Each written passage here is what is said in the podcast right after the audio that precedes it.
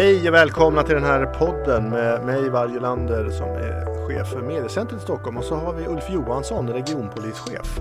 Välkommen Ulf!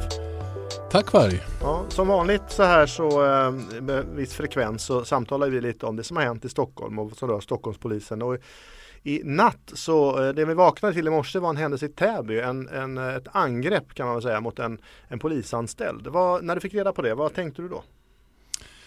Ja, ett eh, mycket allvarligt angrepp eh, mot en av våra poliser. Eh, man blir bestört, man blir förbannad och sen gäller det att ta reda på mer.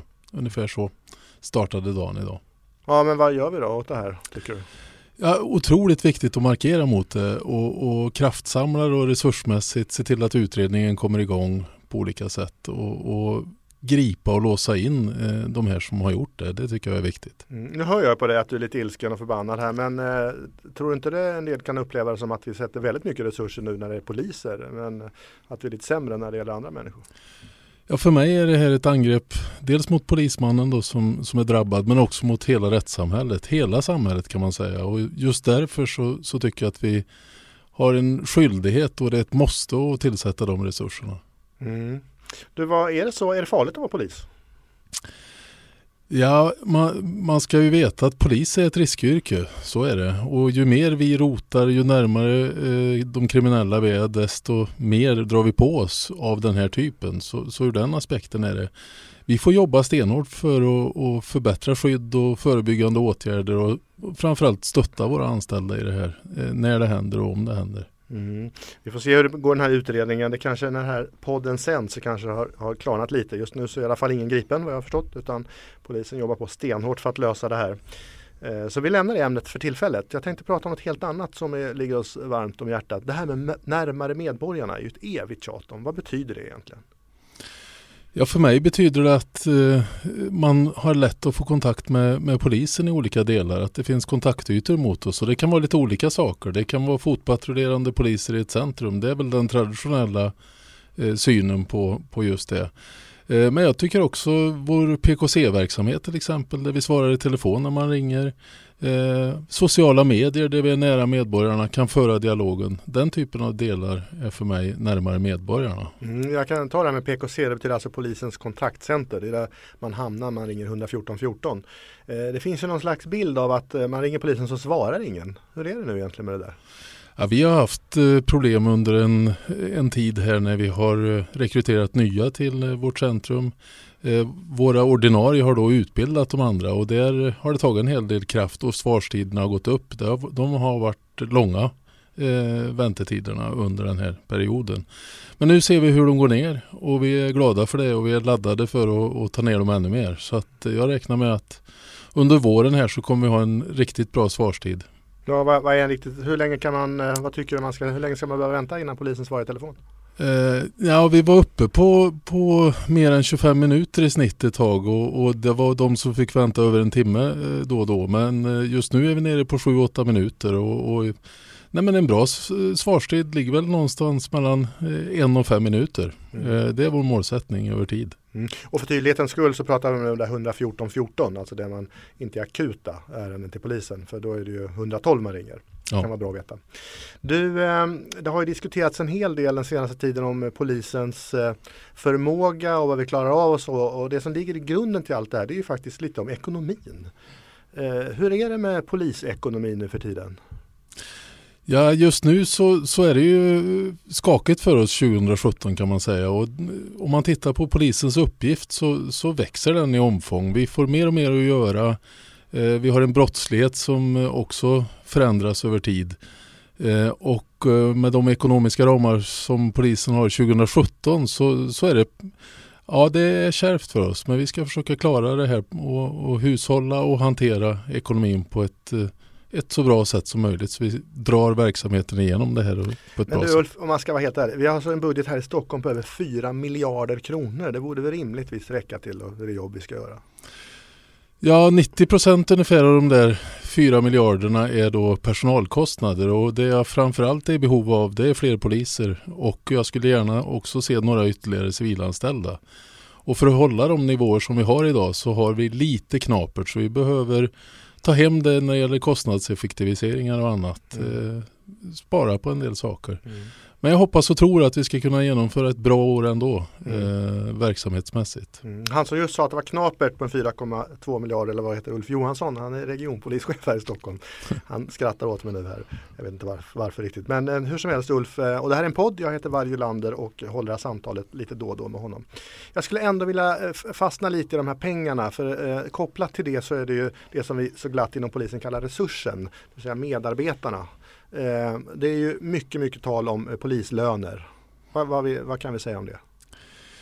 Eh, lönerna är en, eh, naturligtvis en viktig fråga för våra poliser. Nu har det avgjorts då på nationell nivå och eh, nu går förhandlingarna ner på regionnivå där jag befinner mig. Vi kommer att få våra siffror här och vi kommer att jobba med dem eh, för att våra då ska få ett, eh, ett så bra utfall som, som går då utifrån de medel vi är tilldelade i den här lönerörelsen. Och det betyder på ren svenska mer pengar till de som jobbar? Det är det du försöker säga? Ja, sen kan man väl säga att eh, eh, vi har jobbat under lång tid för att höja polisernas löneläge och med de medel vi har så försöker vi då göra allt vad vi kan för att det ska bli så rättvist och bra som möjligt för så många som möjligt. Men eh, det är klart att vi skulle önska mer pengar in i den potten. Eh, för att det finns ett antal som är väldigt lågt lönesatta inom polisen och det måste vi lösa här över tid. Mm. Ja det är en evig fråga. Jag tycker nästan vi tar upp det varje gång och den är också väldigt viktig förstås för att skapa också en bra arbets, vad ska man säga, inte arbetsmiljö kanske men arbetsglädje. Det är också kopplat till lönen förstås inom polisen. Ja och den är också viktig utifrån eh, att eh, medarbetare väljer och, och, andra yrken och vi behöver vara konkurrenskraftiga i det. Att inte välja andra yrken menar du, stanna kvar? Ja precis ja. Eh, och det är viktigt för oss att kunna konkurrera med andra. Eh, så det finns många skäl till att vi behöver jobba intensivt med den här frågan. Mm. Och det som då väldigt många poliser gör eh, det är att utreda brott och det där får vi på nosen på jämna mellanrum. Alltså brottsutredningen, alltså uppklarningsprocent och annat. Vad, vad tänker du om det?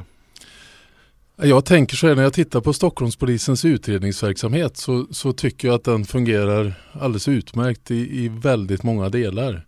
Vi gör ett alldeles utmärkt jobb inom, eh, när det gäller de grova brotten, eh, griper och, och, låser in en, en mängd gärningsmän. Eh, vi har en, en hel del andra utredningar som vi sköter alldeles utmärkt. Det vi har bekymmer med det är ju då eh, mängdbrotten och, och de med de lägre straffsatserna kan man säga, vardagsbrotten.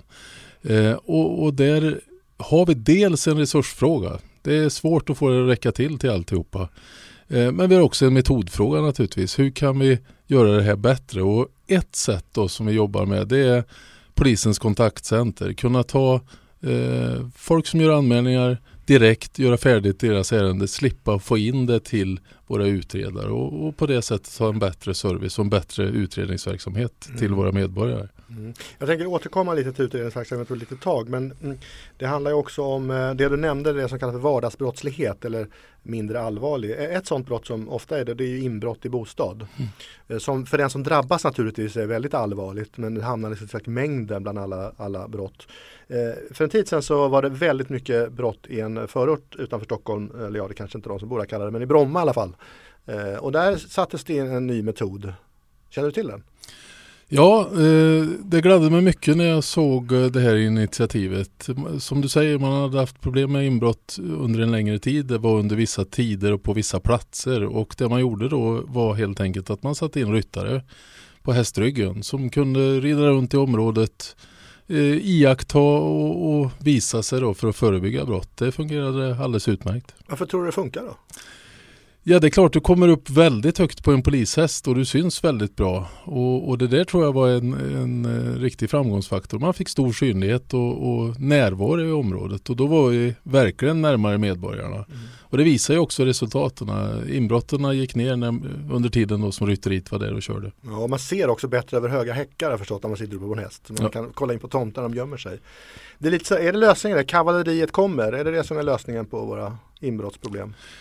Nej, det kan ju vara en lösning. Eh, det vi alltid gör när det är inbrott i bostad det är ju att vi gör eh, brottsplatsundersökningar. Det är en viktig del. Eh, vi har samtidigt då kontakt med målsägande, brottsoffer, förklarar vad som händer, hur man kan skydda sig och så vidare. Det är en viktig del. Sen måste vi naturligtvis jobba stenhårt på metoden. Hur kan vi utreda fler brott? Hur kan vi klara upp fler brott mot vad vi gör idag? Och det är vår största utmaning när det gäller de här brotten. Mm. En annan eh, brottskategori som har varit lite i ropet den senaste tiden som också hamnar där, eh, inte så allvarliga kan man tycka eftersom det inte drabbar individer men också förstås allvarliga för de som drabbas enskilt. Det är bildelsstölder. Det dök upp för några år sedan och det som stjäls i, i väldigt stor omfattning det handlar om, om airbags och navigationsutrustning och sånt. Väldigt, väldigt dyra saker. Det kommer ligor eh, och det vet man ju utifrån eh, kringresande ligor som kommer hit och så, så raidar de ett helt område och snor massa saker. Eh, det kom statistik för en tid sedan eh, som visar att det där eh, ser väldigt illa ut. Att väldigt, väldigt, eh, en stigande kurva på de här brotten. Men Stockholm trots allt eh, hade arbetat eh, för att få ner det här. Vet du bakgrunden till det här, hur vi arbetar här i Stockholm? Har du någon kännedom om det? Ja, det är ju glädjande att, att vi har lyckats gripa och, och låsa in betydligt fler gärningsmän som stjäl eh, bildelar. Det är ju en lukrativ bransch det är mycket pengar i, i omlopp. Eh, viktigt för oss har varit att kartlagt då den här brottsligheten. Eh, den, rör, den är väldigt rörlig, eh, både över landet och internationellt som du säger. Det är en framgångsfaktor. Och sen kunna ha rörliga resurser som följer de här helt enkelt. Eh, har koll på individnivå egentligen och, och, det har lett till att vi har kunnat slå till och, och gripa flera av dem. Mm. Och det är framförallt då väldigt dyra och lyxiga bilar. Och ett annat fenomen man har sett i Stockholm det är ju att de går inte att stjäla eh, så lätt de här bilarna. Att man faktiskt rånar folk på dem, hotar människor och tar bilarna ifrån dem. Det är en väldigt oroväckande utveckling kan man tycka. Eh, en annan mycket oroväckande utveckling det är ju i de särskilt, som vi kallar särskilt prioriterade områdena eh, runt Stockholm, alltså vill säga vissa förorter. Där vi haft väldigt mycket våldsbrottslighet den sista tiden med skjutningar, död, dödliga skjutningar, mord på öppen gata. Eh, vad, hur, eh, när, du, när du ser det, du vaknar ibland förmodligen till nyheterna eller får sms om att det har hänt, vad tänker du då?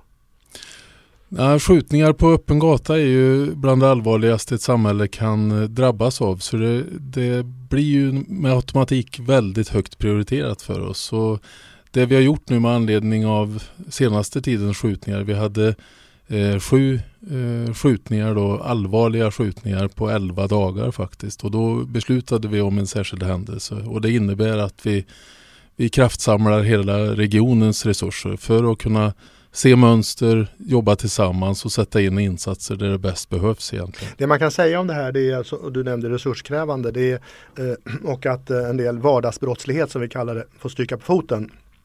Jag hörde en siffra om hur många som faktiskt eh, indirekt och direkt är med och utreder de här våldsbrotten. Mm. Har du den siffran i huvudet? Ja, eh, vi har drygt hundra mord och mordförsök som vi utreder just nu i Region Stockholm och eh, Uh, ungefär tusen uh, personer är involverade direkt eller indirekt i de här utredningarna. Och, och med tanke på att vi är drygt 5000 poliser då, så är ju tusen uh, polisanställda en väldigt stor siffra och säger en hel del om hur mycket kraft den här brottsligheten tar. det tar ju då kraft från, från mängdbrottsligheten som vi gärna skulle vara mer i. Men, men det blir ju prioriteringar mot, mot de högsta straffsatserna som vi måste göra i första hand. Det som jag själv är imponerad över ibland när jag, jag är med på en del sådana operativa möten att det finns ändå en slags eh, jävlar anamma i, i, systemet. Att ingen kommer, alla kavlar upp ärmarna. Det är ont om folk, utredningar går på knäna men alla vill så gärna lösa det här. Eh, det ser väl du också antar jag i din i din vardag, i dina möten med medarbetare och så? Ja absolut, det görs otroliga insatser för att, att lösa de här brotten och framförallt för att låsa in eh, gärningsmännen. Och, och Eh, man behöver inte eh, piska det här utan det, det sker eh, intuitivt hos varje polisanställd. Man vill vara med och lösa de här brotten och det är så viktigt för oss. Just för att få ner antalet skjutningar. Det är ju vår absolut högst prioriterade fråga kan man säga när, när det gäller våldsbrott och skjutningar. Mm. De här vi pratar om, är grovt kriminella, de kan man ju angripa på många olika sätt. En, en metod som Stockholmspolisen använder det är ju att eh, tillsammans med Kronofogden bege sig ut i Stockholmsnatten framförallt på helgerna och agera. Kan du berätta lite om det? Ja, det vi ser eh, och har sett i många år i, i Stockholm det är ju att de kriminella eh, gärna visar upp sig inne på citys innekrogar med Eh, bilar, fina kläder, smycken, klockor och så vidare. Ett sätt att visa sin framgång helt enkelt. Och, och, det vi har gjort tillsammans med Kronofogdemyndigheten då det är att vi besöker de här krogarna, vi identifierar folk på krogarna och vi, vi tittar om de är skyldiga pengar eller inte och är de det så, så tar vi av dem pengar, smycken, bilar och så vidare. Och det där svider ju, det svider hårt eh, och, och, det är viktigt för oss. Eh, och vi har gjort mycket i, i den delen. Mm. Det måste vara ganska snopet tycker jag att gå på krogen med guldkedja och annat och polisen och Kronofogden kommer och plockar av en. Jag hörde ryktesvägen att de får behålla 39 kronor för att kunna ta tunnelbanan hem. Ja, det, ja så kan det nog vara. Eh, det är ju gentilt. Ja, och säkert någon jacka också ifall det är kallt. Jag hoppas. Du, eh, en helt annan sak eh, som vi också polisen i Stockholm har lagt en del resurser på den sista tiden. Det är kartläggning av eh, så kallade massagesalonger. Eh, man har tittat närmare på vad det är för verksamhet som bedrivs där. Det finns ganska många i Stockholm och säkert på andra platser också.